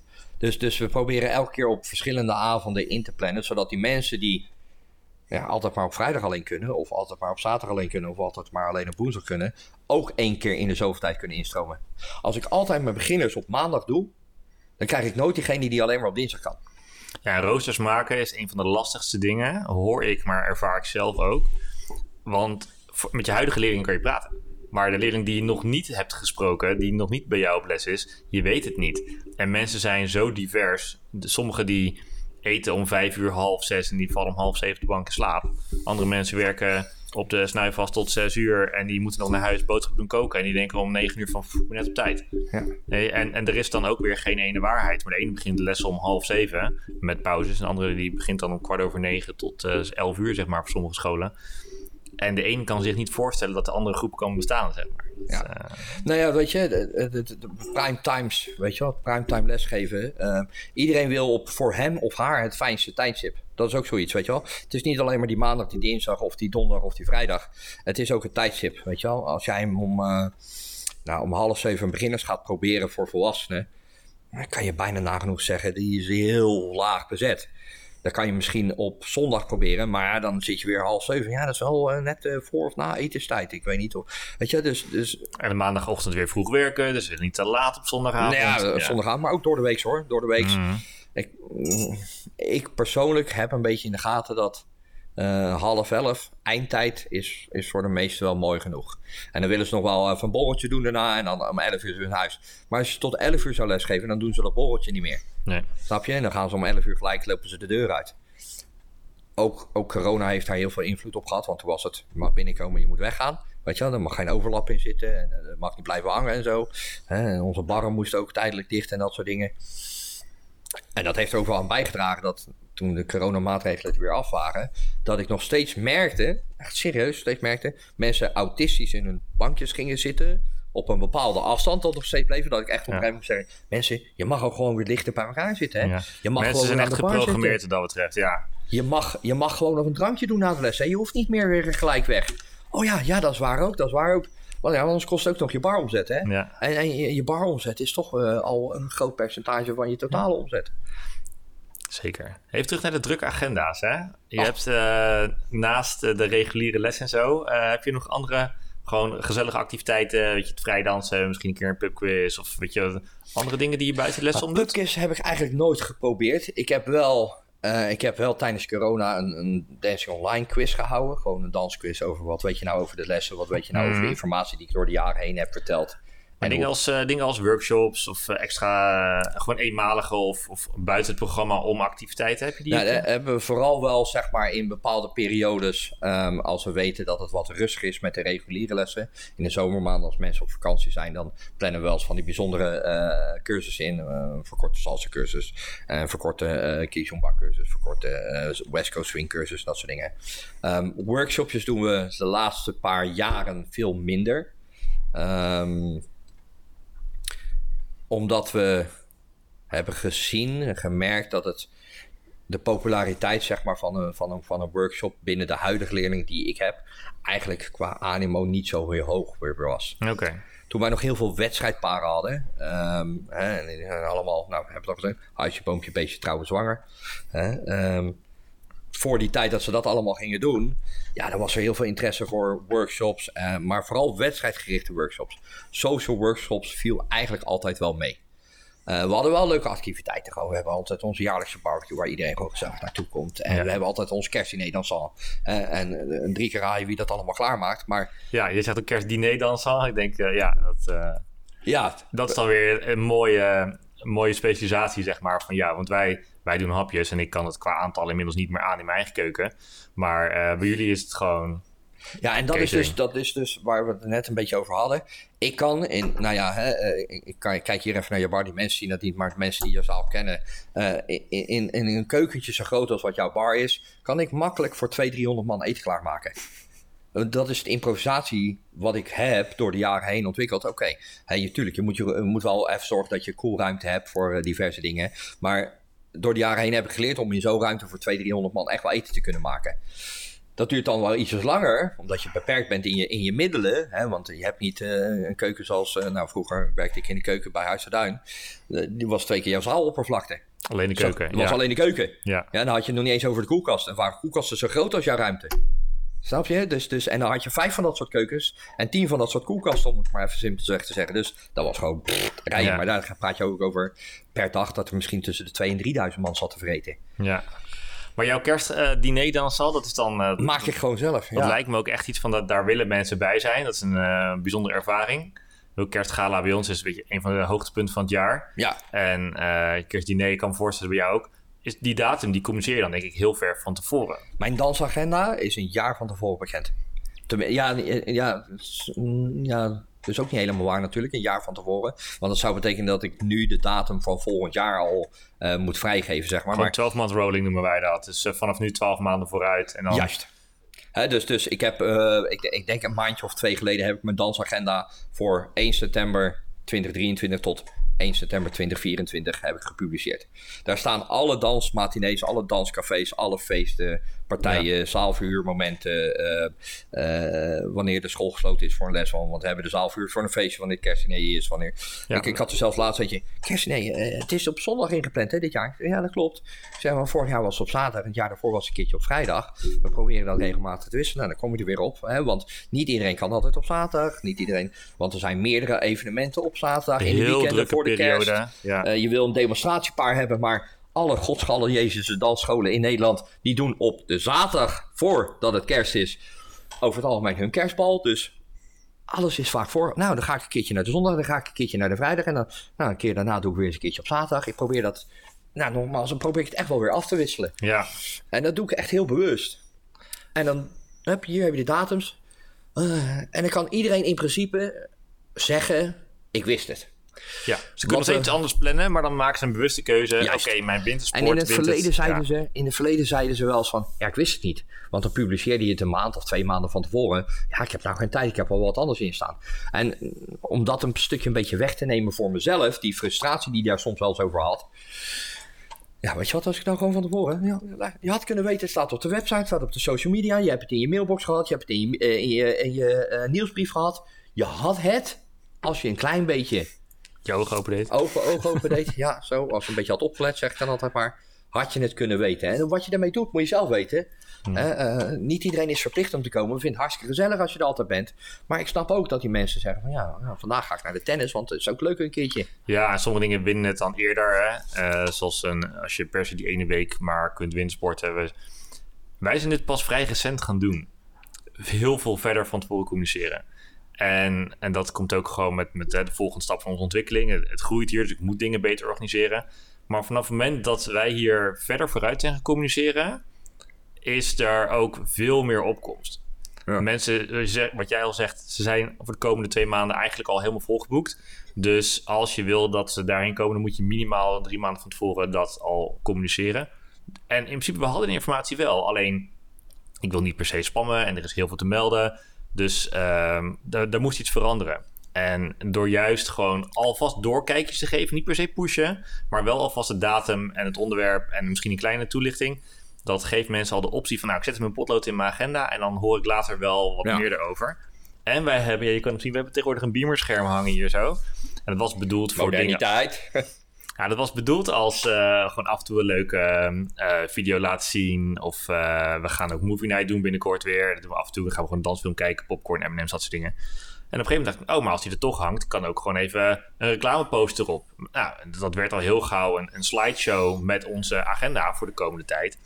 En die draait gewoon eigenlijk altijd als hier lessen zijn. En dan zien mensen alleen de titel van een, van een activiteit plus de datum.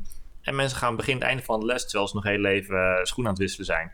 In hun eigen agenda al het allemaal te checken of ze kunnen of niet. En de opkomst is, is hoger dan ooit, zeg maar. Ja. Dat was helemaal niet waar die voor bedoeld was. Uiteindelijk hebben we dat toch gewoon maar spontaan gedaan. En het blijkt een van de meest succesvolle verbeteringen te zijn van de afgelopen Ja. half jaar. Ja, exact. Eh, kijk, wij hebben een, een groot whiteboard en daar hangen eigenlijk altijd alle... eh, daar schrijven we gewoon met de hand op voor de komende maand wat de activiteiten zijn. Maar ze hebben het natuurlijk al in de nieuwsbrief gelezen. Het staat natuurlijk al op de social media. Het staat gewoon op de website. Ze hebben het in een mailbox gehad. ehm, dat soort dingen. Dus ze, ze weten het al. En dan zetten we gewoon per maand zetten we het in principe gewoon op het, eh, op het whiteboard. Gewoon ouderwets lekker met het handje geschreven. De nieuwsbrief hangt er altijd standaard onder van die periode. We doen eens in de twee maanden ongeveer eh, een, een, nieuwsbrief met van nieuwe feitjes, weetjes, dingetjes. Activiteitenplanning voor joh, nog herinnering. Dit staat de komende twee maanden op, eh, op de dansagenda. Want het enige nadeel is van zo'n jaar vooruit publiceren bijvoorbeeld. Hè, de, de barbecue van volgend jaar, die, die, die kan men in principe al weten. En er zijn er heel veel die, die willen daar naartoe. Dus die hebben dat al genoteerd. Maar je hoort er ook heel veel. Oh ja, dat was waar ook, dat hadden we gehad, weet je wel. Oh ja, eh, oh shit, dat weet ik niet meer, weet je wel. Dus daarom doe je dan die tussentijdse nieuwsbrieven Ja. met die agenda nog een keertje. Wel blijven, blijven herinneren eraan. Ja, maar niet, niet wekelijks. Nee. Niet wekelijks, want dan worden ze gek. Dan, dan, dan lezen ze het ook niet meer, want dan vinden ze het ook niet meer interessant. Dus jij wekelijks. eh, eh, ehm, nou ja, kijk, eh, nu in je aanloopperiode naar een nieuw startmoment van het seizoen. moet je wel zorgen dat je gewoon wekelijks bent. Ik zal ook niet zeggen dat je het dagelijks moet doen, maar wel met enige regelmaat groter. Er zijn mensen die promoten het wel. Hè? Als je elke dag mailt, dan ben je meer top of mind. Dan weten ze waar de mail vandaan komt. En ben je minder de vreemdeling in de mailbox. Van, hè, hoe komt deze aan mijn mailadres? Ja. En dan, dus iedereen vindt daar zijn eigen balans. Maar er zijn dus ook... Ja, ik eh, hoor er ook genoeg die zeggen van... ehm, ja, dan krijg ik weer een mailtje. Ja, die lees ik niet hoor, want eh, ik weet wel wat erin... Weet je wel, die, dus die gaan op een gegeven moment... Ja, je mailt zoveel, op een gegeven moment gaan ze niet meer lezen. Dus de balans tussen je hoeveelheid... Nou, jij noemde het net spammen, hè, want, want zo heet dat officieel. De hoeveelheid wat je spamt moet in een dusdanig balans zijn... dat ze wel nog steeds getriggerd zijn om het te lezen... Maar niet dat ze op een gegeven moment verveeld raken of op te weinig dat ze denken: van, oh ja, wie ben jij ook alweer? Ja, ik denk dat de belangrijkste factor is, je moet relevant blijven. Dus als je, als je geen waarde toevoegt met je mail, dan moet je Ja. hem gewoon niet sturen. Nee, nee, als er niks nieuws in staat waardoor ze. Ja, En het moet relevant Nieuws. zijn. Ja. En wij proberen eigenlijk eh, zo min mogelijk te mailen. Heel veel gezeik met mails. Dus eh, wij hebben een andere manier gevonden om onze doelgroep eh, te informeren. Zoals? Waarbij ze zelf best veel controle hebben. En dat is ook weer GDPR-proof, zeg maar. Wij hebben een Telegram-channel. En eh, Telegram is net als, als WhatsApp, het is gewoon een chatprogramma. Alleen eh, daar kan ik wel zenden. Ze gaan niet met elkaar in gesprek. Ze zien elkaars nummer ook allemaal niet. Eh, iedereen die ons channel opzoekt op Telegram kan meteen de hele historie lezen. Dus jij zou nu je telefoon kunnen pakken, Telegram channel zoeken en dan alles teruglezen. Je hoeft niet eens te joinen. Als je joint, dan eh, krijg je wel pushmeldingen. Zoals je ook een, als een chat van mij een pushmelding zou krijgen. En dan kan je kijken en dan sturen daar heel korte updates. Dus geen hele nieuwsbrief met vijf onderwerpen. Maar eh eh, hey jongens, over twee weken is het vrijdans of deze week is vrijdans. Hier de link om te reserveren als je wil. Dan kunnen mensen op hun telefoon erop doorklikken, want ze bestellen het ook allemaal vaak op mobiel. Je kan op mute klikken, dat je wel elke keer makkelijk naar de channel kan om te kijken wat was ook weer het laatste nieuwtje van de dansschool. Ehm, maar ik heb niet een pushmelding de hele tijd. Je kan elke keer zelf unjoinen, wel weer joinen. Je kan, hebt hele controle over. Je kan wel een, een hartje of een duimpje geven, een berichtje wat ik gestuurd heb, zonder dat je echt een groepsgesprek krijgt waar iedereen op elkaar reageert en overal overheen struikelt en het heel snel off-topic gaat. Ja. Dus ik heb regie over de inhoud. Dat zijn dan kleine bite-size updates, altijd met een linkje naar waar ze het kunnen regelen. Maar met maximale controle voor de leerlingen. En de grootste drempel is alleen, niet iedereen kent Telegram nog. En volgens mij kan het in WhatsApp ook per se. Of kan het tegenwoordig in WhatsApp ook. Uh, alleen wij geven de voorkeur aan, uh, aan Telegram, omdat we daar privé ook meer op, uh, op zitten. En dat is, uh, ja, dan is het weer wat moderner dan de mail die mensen kennen. En ergens heb je de voordelen van de moderne technologie, want je kan er dingen mee die op de mail niet kunnen. Alleen als het onbekender is, dan is het ook onbemind vaak. Dus mensen moeten even zoeken van, oh, waar begin ik dan aan? Moet ik weer een app downloaden? Als het eenmaal hebben gedaan, is het, is het zo gefixt. En mensen Ja, super blij ja. mee. Maar die initiële drempel van, oh, ga ik dit installeren? En hoe, waarom moet ik dat eigenlijk? Die is denk ik nog best wel hoog. Dus we hebben ook een pdfje gemaakt eh, en eh, een paar plaatjes die je kan scrollen. Gewoon echt een slideshow, zeg maar. Een carousel heet dat dan op social media. En dat mensen gewoon heel simpele instructies krijgen. Hoe ziet het eruit? Waar klik ik op? Hoe werkt het dan? Eh, om dat ook maar weer toegankelijker te maken. En de mensen die het doen, die zijn hartstikke blij. Dus het komt weer op eh, een soort met van opvoeden terecht, hè? Ja, Opvoeden terecht, meegaan in de tijd eh, van verandering. Ehm, nou denk ik dat het ook, wat je dan doet met het Telegram, dat het ook wel een beetje belangrijk is. wie is jouw core business als leerling? Ja. Zeg maar. Dus, dus als jouw core business eh, ligt tussen de 25 en 45, dan zullen mensen daar nog wel veel sneller in meegaan dan als het tussen de 45 en de 65 ligt, je core. Zeker. Want die zijn dan misschien, nou, ik zal niet zeggen eh digi beter, eh, ehm, maar, maar die, die hebben er iets minder affiniteit mee. ja. Hè, die doen het wel, maar die, de- alleen de dingen wat ze dan echt noodzakelijk nodig hebben. Het is wat functioneler. Dus niet dat ze er per se blij Ja, worden. met alle respect. Ik heb er nog steeds eentje die heeft gewoon nog een telefoon met een kleppie. Ja, nou, nou weet ik dat je die tegenwoordig die smartphones hebt die je kan dubbelvouwen. Maar die bedoelde ik niet. Ik bedoel gewoon zo eentje waar zo'n antennetje nog uittrekt. Weet je, wel, een klepje. En alleen maar cijfertjes op zitten. Want ja, die zegt gewoon, ik, ik heb hem alleen maar nodig om te bellen in geval van nood. Maar Ja. voor de rest heb ik dat ding niet nodig. Dus, dus die gaat zulke soort dingen gewoon ook niet doen natuurlijk. Dat is ook een beetje, denk ik, relatief eh, leeftijd gewonnen. Ik, ik denk dat dat Telegram bij mij niet eens zou werken. Omdat mijn gemiddelde leeftijd van de leerling, denk ik wel ergens meer richting die 45, richting 65 gaat. Dan dat die tussen de 25 en de 45 zit in, Ja. in, in de breedte. Ehm, maar ja, het zijn altijd dingen waar je over na moet denken. Gaat dat een toevoeging zijn? Gaat dat me extra helpen? Ik begin zo'n beetje elke podcast dat- ook. ik- ik wie ga- is je doelgroep? Hè? Ik weet niet of je het hebt gehoord, maar elke, elke aflevering komt langs wie is je doelgroep. Ja. En dat kan per product zijn, maar ja, je zegt heel goed, je moet wel altijd toespitsen op die doelgroep. Anders dan, eh, dan gaan dingen zeker niet werken. Ja, en, en doelgroepen zijn verschoven, zijn veranderd door de jaren heen. Ehm, ehm, maar, maar bijvoorbeeld, jij zegt het nu over, en ik had er nou, misschien wel van gehoord, maar ik heb er nooit bij stilstaan. Ik ga zeker wel eens eerst een keertje gewoon lobbyen van, joh, kennen jullie dat, Telegram? En, eh, hoe zit dat? Eh, heb je daar wel eens mee gewerkt? Lees gewoon even een maandje mee in onze channel. Ja, misschien wel. Eh, Dan gaan we wel even, nou ja, misschien eh, eh, eh, gaan we gewoon doen. Maar Kijk, eh, het doel van deze podcast is ook om eh ervaringen uit te wisselen. Wat werkt voor jou, wat werkt voor mij. Ja. En ik weet, dans, eh nou, ondernemers, maar zeker dansleraren zijn behoorlijk eigenwijs. En ik wil niet roepen dat ik alles beter weet dan een ander. Al denk ik dat soms wel. Misschien niet vaker dan ik zou moeten. Eh, dus dus eh, je kan bij ons eh, natuurlijk echt bedrijfskundige trainingen en coaching en zo afnemen. Alleen hoe leuk is het als we gewoon van elkaar leren. En dat je dingen omarmt. Want je denkt, hé, hey, maar daar zie ik eigenlijk wel, wel waarde in. En niet omdat je dat nou eenmaal van mij moet aannemen. Dus gewoon Maar dan kom je eigenlijk gelijk op een, op een heel interessant ander punt. Hè? We hebben natuurlijk we hebben bedrijfsverenigingen. We hebben bedrijfsstartverenigingen. Hè, jij, jij kent ze ook. Eh, ik ken ze ook. Ehm, ik, ik ben zelfs onderdeel van een van de besturen. Ehm, ehm, daar zouden we veel meer eh, mee moeten doen. En dat willen we ook wel en dat proberen we ook wel. Alleen eh, we hebben toch veel meer lone wolves in Nederland rondlopen tegenwoordig. Dan dat er ehm, dansschoolhouders, bedrijven, dansleraren aangesloten zitten bij onze bedrijfsverenigingen. Hè, en dan heb ik het niet alleen over de vereniging waar ik dan bij zit en waar, waar jij dan ook bij hebt gezeten. Ehm, maar ook bij onze zustervereniging of onze broedervereniging, hoe je het wil noemen. Eh, die, hebben dat, die hebben datzelfde als we dus minder bij elkaar komen op dat soort, nou ja, wij noemden dat altijd vroeger studiedagen. En, en, en ik denk dat we ook daar ergens misschien wel in het verleden een kleine boot gemist hebben. Studiedagen waren heel veel gericht op pasjes en choreografieën.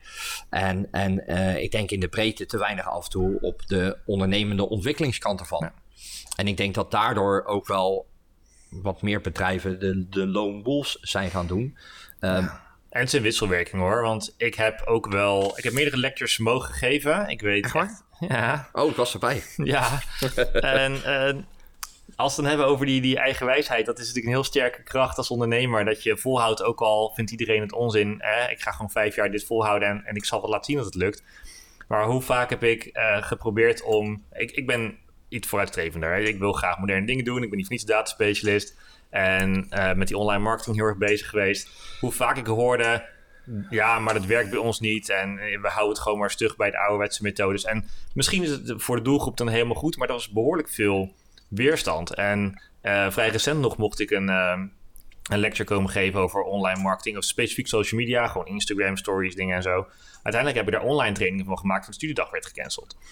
En ik denk dat we gewoon heel veel van elkaar kunnen leren. En ik denk dat deze dat de gasten in deze podcast iets over zichzelf vertellen. Dat je denkt, hey, volgende keer dat ik Patrick Legas zie, dan kan ik eens makkelijker een praatje met hem aan, want ik weet iets meer over hem. Ik kan eens doorvragen ja, over... Ik, ik, ben zo moeilijk benaderbaar over ja, het Mensen vinden mij zo streng. Uh, althans, nou, dat was vroeger misschien meer in de danswereld dat ze dachten dat ik niet zo benaderbaar was. Maar ik ben eigenlijk heel erg benaderbaar. Maar uh, die dansschoolhouders waar je het over had, dan, dan merk je dat zo inderdaad zo'n studiedag dat, dat gaat dan niet door. Omdat ook heel veel leraren overdag alweer bezig zijn met hun banen. En uh, een stukje communicatie daarin van op hoe lang van tevoren gaan we dit al communiceren. Nou, in principe zag ik daar ook in. Uh, volgens mij waren we een kwartaal van tevoren met uh, bekendmaken van die datum van die studiedag. En uiteindelijk puntje bij het paaltje um, komen er te weinig mensen op zo'n studiedag af om het ook efficiënt te houden mm. en te maken. En interessant voor de leraren die daar een lecture komen te geven. Um, ik denk ook dat je veel meer moet gaan kijken naar uh, de online uh, presentatie van dat soort uh, dingen. Hè, dus de studiedag. Ik zou het liefst hier met 20, 30, 40, 50, 60, nou misschien wel 100 dansleraren zitten. Nou, 100 zijn misschien wel een beetje, een mm-hmm. beetje veel om allemaal mee te praten. Maar gewoon vaker bij elkaar zitten. Zodat je dit soort dingen eigenlijk, wat we nu doen, kunnen praten over het bedrijfsleven. En hoe kijk jij nou tegen dingen aan? En wat kan ik nou eventueel van jou leren?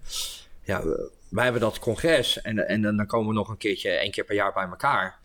En, en, dan heb je dat soort dingen erover. En dan heb je zo'n avond uh, waarin je lekker allemaal in de kroeg, uh, nou ja, lekker allemaal in de kroeg, uh, in de bar zit met een drankje erbij. En dat je met diverse collega's praat over je bevindingen en je ervaringen. Eigenlijk wat wij nu ook doen, maar dan één keer per jaar met z'n allen bij elkaar.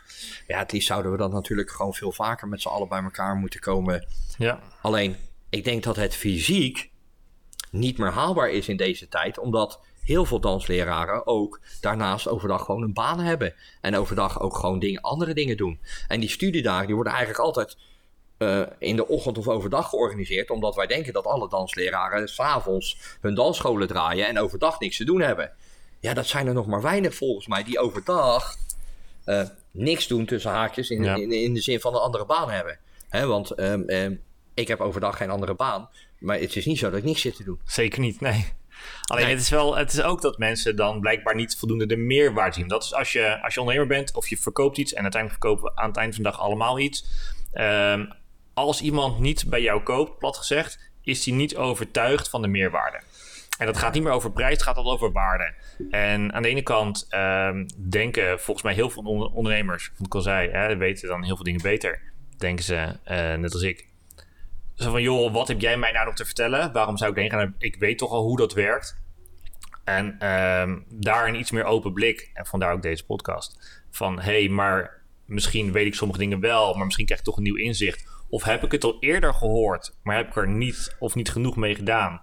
Door het gewoon nog een keer erover te hebben, krijg ik misschien een nieuw idee. Ga ik het wel beter doen?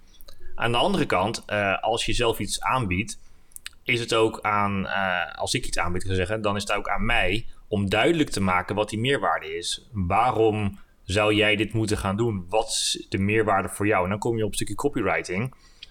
Um, binnen Dans Dancefit, uh, proeflespagina op de website. Daar staat best wel veel tekst.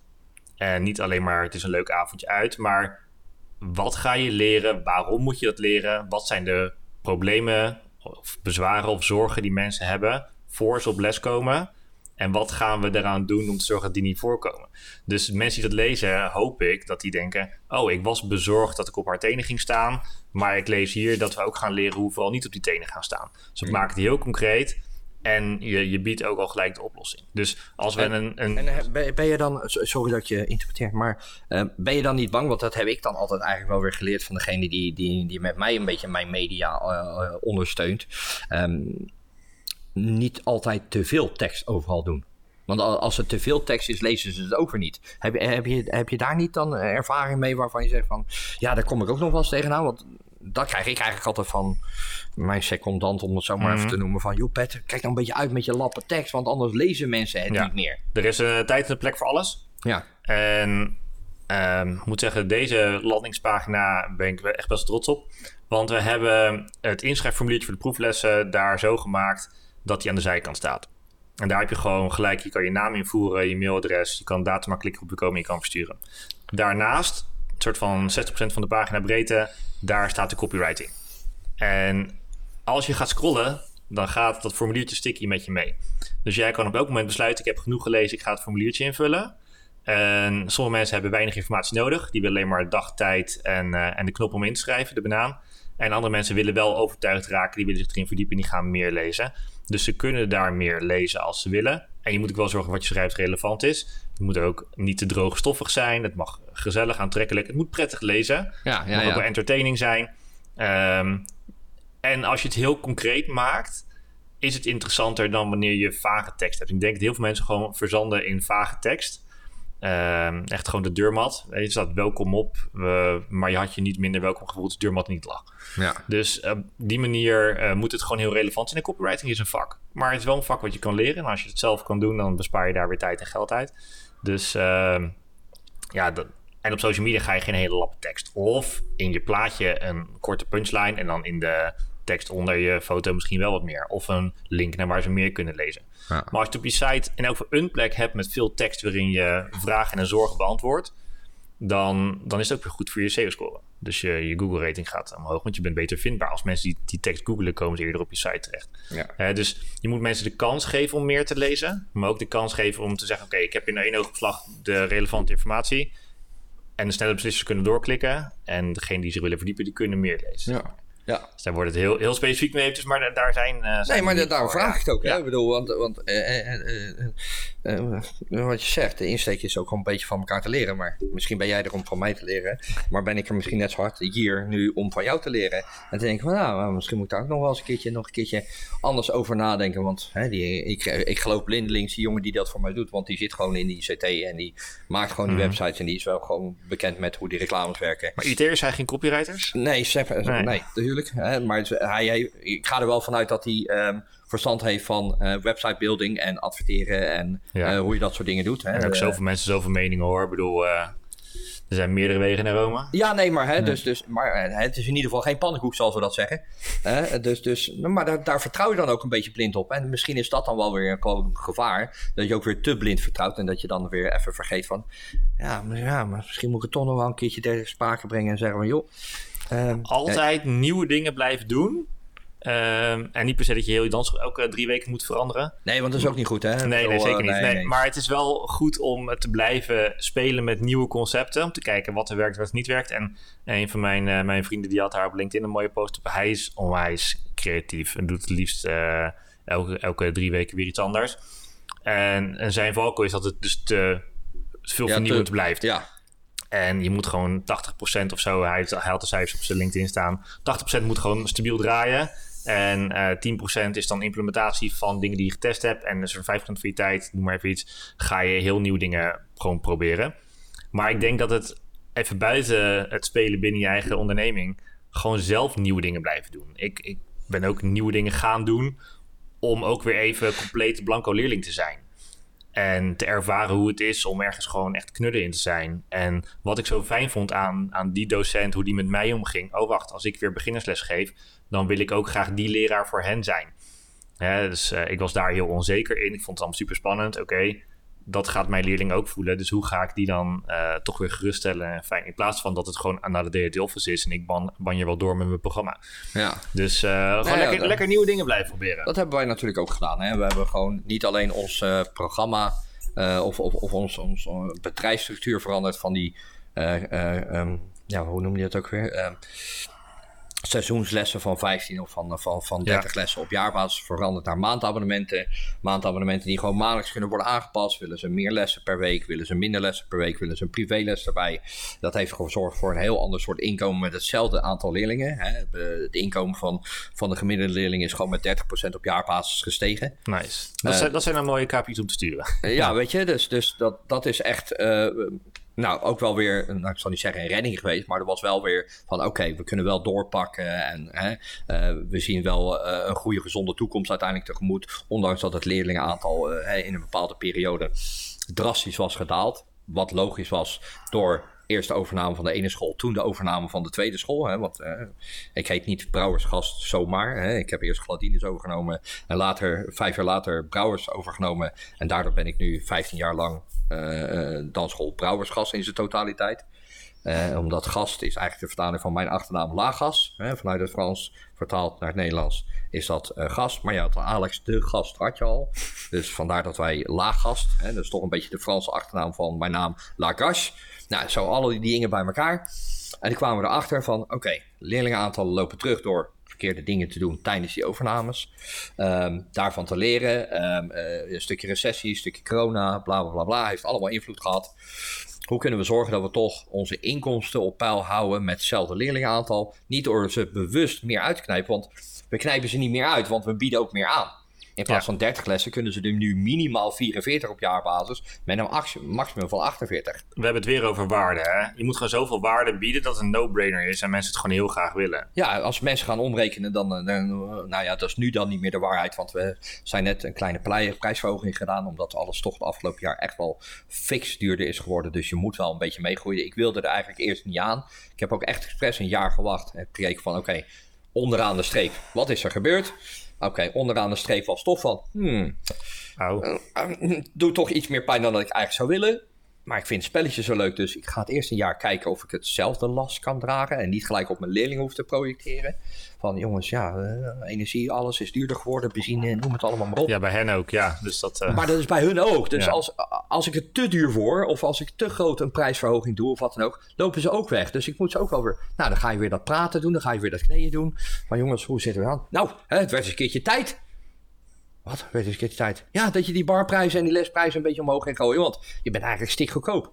Oké, okay. nou ja, dat, ja, ik was ook altijd wel uh, relatief goedkoop. Maar ja, je krijgt waar voor je geld. Bla bla bla, noem het allemaal op. Nou, je okay. kweekt ook wel goodwill hè, op die manier. Juist. Nou, dat, dat ook. Hè, want ik heb op zich wel echt hele trouwe Sympathie, leerlingen. ja. En um, waar hadden we het nou eigenlijk over? Nou ja, in ieder geval over, over dat het feit dat zeg maar Um, met, die, met diezelfde leerlingenaantal dat je meer geld gaat genereren. Hmm. Hè? En, en, maar je gaat ze ook meer kansen bieden. Hè? Je Ja. kan ook makkelijker inhalen. Eh, Je, je bedrijfsmodel verandert heel erg daardoor. Een beetje Ehm, meer farming noemen we dat. ja, zeker, zeker. En daarmee is ook zeg maar je core business een beetje verschoven naar van wat we vroeger hadden. Hè? Korte termijn kort geld, op lange termijn lang geld. Ja. Eh, het was vroeger eh, heel veel jeugd. echt nou, misschien wel 100, 200 leerlingen aan de jeugd. Maar die bleven een jaar, anderhalf jaar, sommige twee jaar. Eh, maar na vijf jaar had je van die 200 had je er nog maar drie of vier over. Snap je? En dus dat verloop was gewoon heel erg groot. Dat is kort en dat is snel geld. Dat is leuk. Maar het is geen gecontinueerd geld. Het blijft niet lang. Ja, lifetime customer intimacy. Daar ben ik. Jij hebt de dure termen. Ik ben gewoon een simpele jongen. Hey, maar er is hier al zoveel over geschreven. Ja, dus, eh, weet je, en dat, dat is ook wat ik wil toevoegen natuurlijk. En, en, en dat is eh, wat ik nu heb veranderd in mijn, in, in, in mijn business case. Ik eh, kijk naar een andere eh, core business. Waar zitten mijn mensen? Wie wil ik lang eh, hebben? Eh, wie hebben ook een centje uitgegeven? Wie zullen naar je dansavondje komen? Weet jij wie jouw beste tien koppels zijn?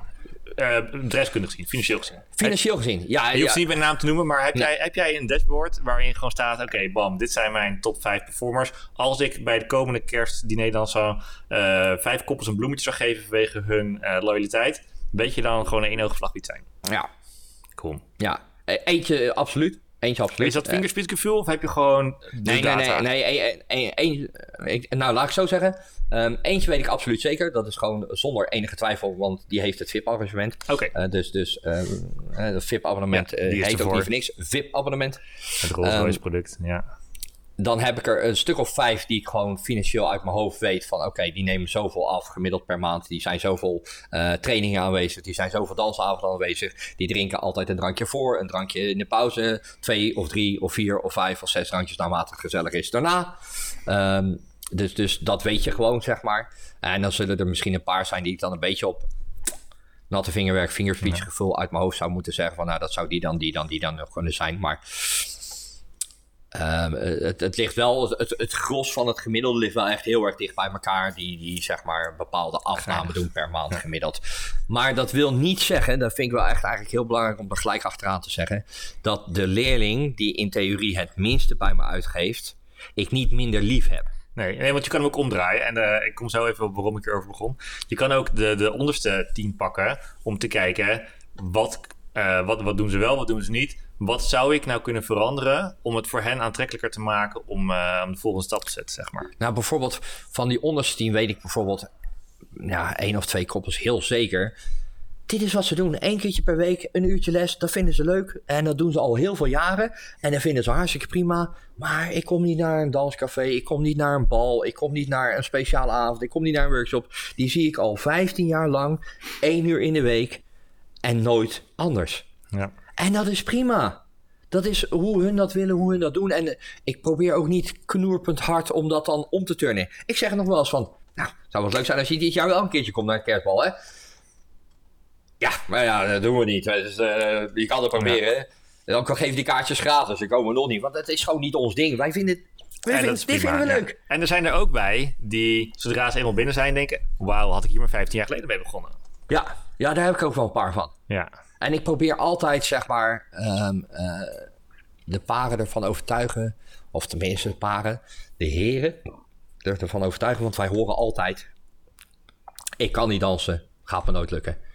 Oh ja, daar had, had Glenn ook een heel mooi over. Ja, ja. En dan zeg ik altijd, ja, maar daarom moet je juist op les. Want daarom zijn wij er om het jullie te leren. Hè? Dus, dus dat is al één. Maar ik was dat ook vroeger. Ja. Dansen is niks voor mij. Ik ben een jongetje. Ik ga dat echt niet doen. Nou, ik heb er net aan het begin van de podcast... moet je maar even terugspuwelen. Uh, anderhalf uur of zo. Um, of gewoon opnieuw op play drukken. Um, maar ik was ook zo. Ik wilde niet. Ik ging niet totdat ik ontdekte hoe leuk het was. En misschien met een iets andere insteek, uh, hormoniaal gezien, zeg maar, dan, uh, dan dat het eigenlijk moet. Maar ik, ik had laatst nog een jongen en. Wauw. Zo.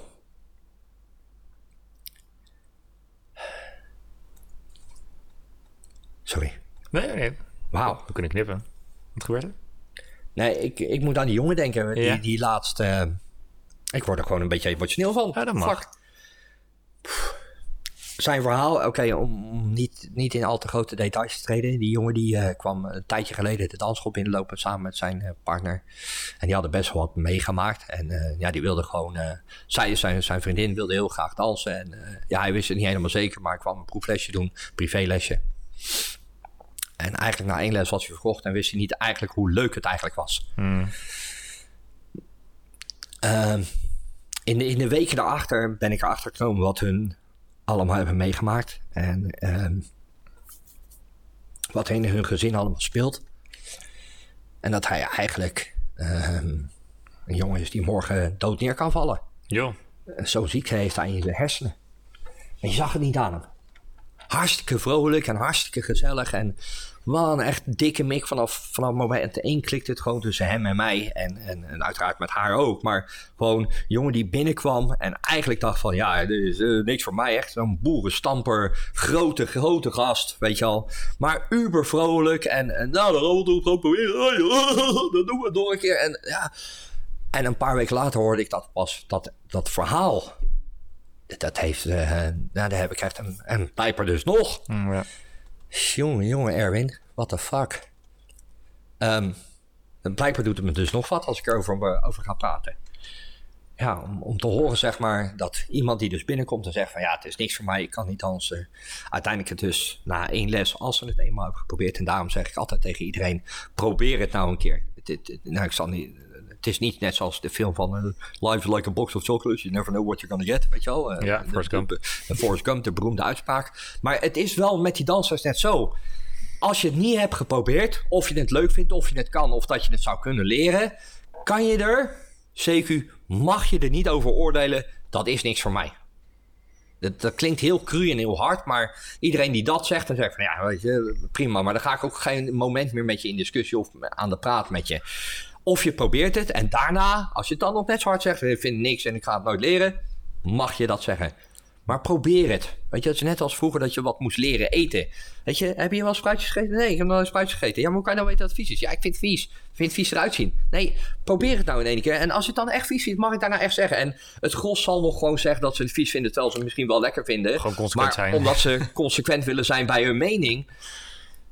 Maar het is echt zo. Je kan binnenkomen en zeggen: Ik vind het niks, of ik, het is niks voor mij, ik kan het niet, ik ben een houten hark, ik ben een houten klaas. Noem alle superlatieven maar op.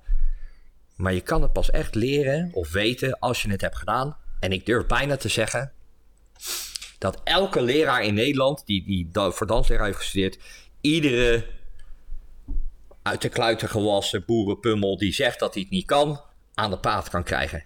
Alleen de vraag is, hoe lang doe je erover? Ja. De een krijg je binnen een paar weken al aan de praat en bij de ander duurt een half jaar, misschien wel een jaar voordat hij zo soepel aan de praat is dan die leerling die het wel heel erg leuk vindt en heel erg veel ritmegevoel heeft en heel erg veel passie gelijk heeft en vanaf les 3, 4 alles zo wegdanst. Ja. Maar iedere individu in die danshal is anders. Wat, hij- wat hij kan na drie weken, dat kan jij misschien na twaalf weken. Maar ja, als je het eenmaal kan, dan leer je het ook niet meer af. Weet je, dat is net als Ja, fietsen. het is een investering voor het leven, ja. Ja, het, het, Tim zei het al, onze, onze allereerste gast. Zegt van ja, ze komen vaak binnen omdat zij het wil. ja, Maar in no time is hij degene die fluitend naar binnen loopt en zegt van eh, kom op, laten we beginnen. ja. En, Ja. en Als ze het doen, dan is dat echt waard. Dat is echt absoluut waard. bij ons ook weer die proeflespagina, daar staat ook dat een proefles een heel mooie manier is om je partner te overtuigen. Hè, zo van, joh, je hoeft niet op cursus, dat is dan weer een grote investering. Je begint altijd even met, eigenlijk wil je iets gratis. Kleine betaling, grote betaling en dan lifetime, zeg maar. Dat is eh, in elk geval in de neuromarketing, wil je het zo opbouwen. Je wil vertrouwen kweken. Dus eerst neem je, eh, bied je iets gratis aan. Je geeft iets gratis weg in ruil voor een mailadres. Of je mag het gewoon überhaupt gratis pakken. Zoals je blog, kunnen mensen ook onbeperkt bij. Kleine transactie, als dat goed gaat, je krijgt genoeg waarde, dan pas ga je naar een grotere transactie. Dus eh, als je als, als dame op de bank zit en je heer wil niet op dansles, weet je wel, neem hem een keer mee naar een gratis proefles. Of joh, het is maar één uurtje, ik ben helemaal blij, jij wil mij toch blij maken. Hè? En daar vandaan, Ja. oh, oh, dan neem je daar bezwaren weg. En dan blijkt dat er andere jongens zijn die ook gewoon jouw leeftijd zijn en het wel leuk is. En je blijkt het wel te kunnen. En dan is de muziek nog een beetje hip en het is wel gezellig. En je kan inderdaad ook een biertje drinken bij de meeste scholen. Hè, dan ineens is het niet meer een... een ehm, een grote hobbel of zo. Dan is het juist iets superleuk wat ze niet hadden verwacht. En dan worden de heren juist enthousiast en dan vindt zij het wel goed. En dan zegt hij, nee, nee, we gaan nog even een avondje, weet je wel. Ja, Dus ja nee, daar dus ja, alles, ja. Hey, Als ze eenmaal over die drempelvrees heen zijn, dan, dan durf ik te wedden.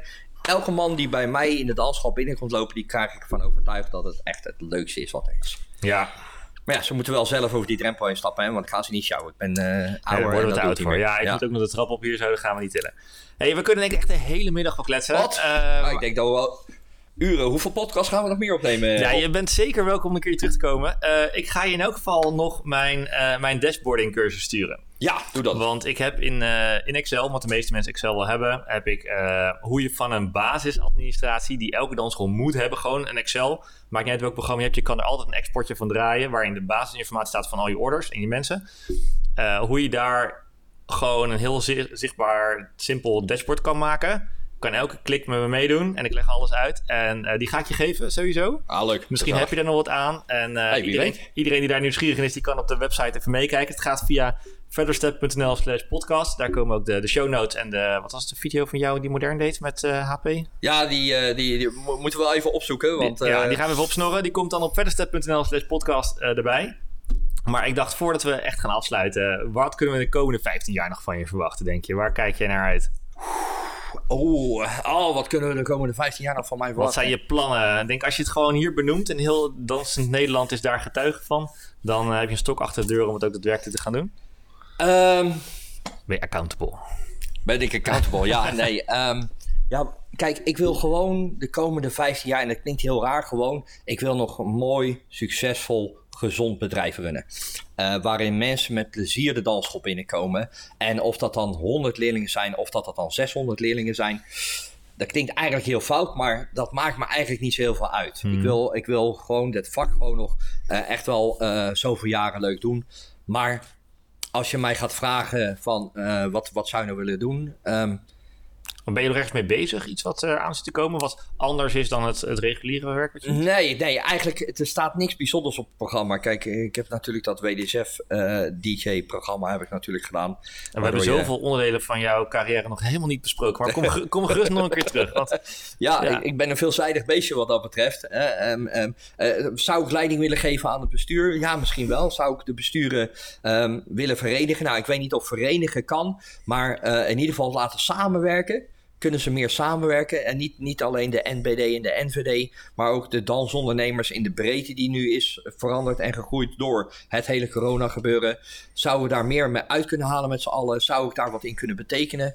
Ehm, ja, ja, graag. Uh, ik, ik, zit bij het alliantieoverleg aan tafel uh, over, over dansveiligheid uh, binnen, binnen, binnen Nederland.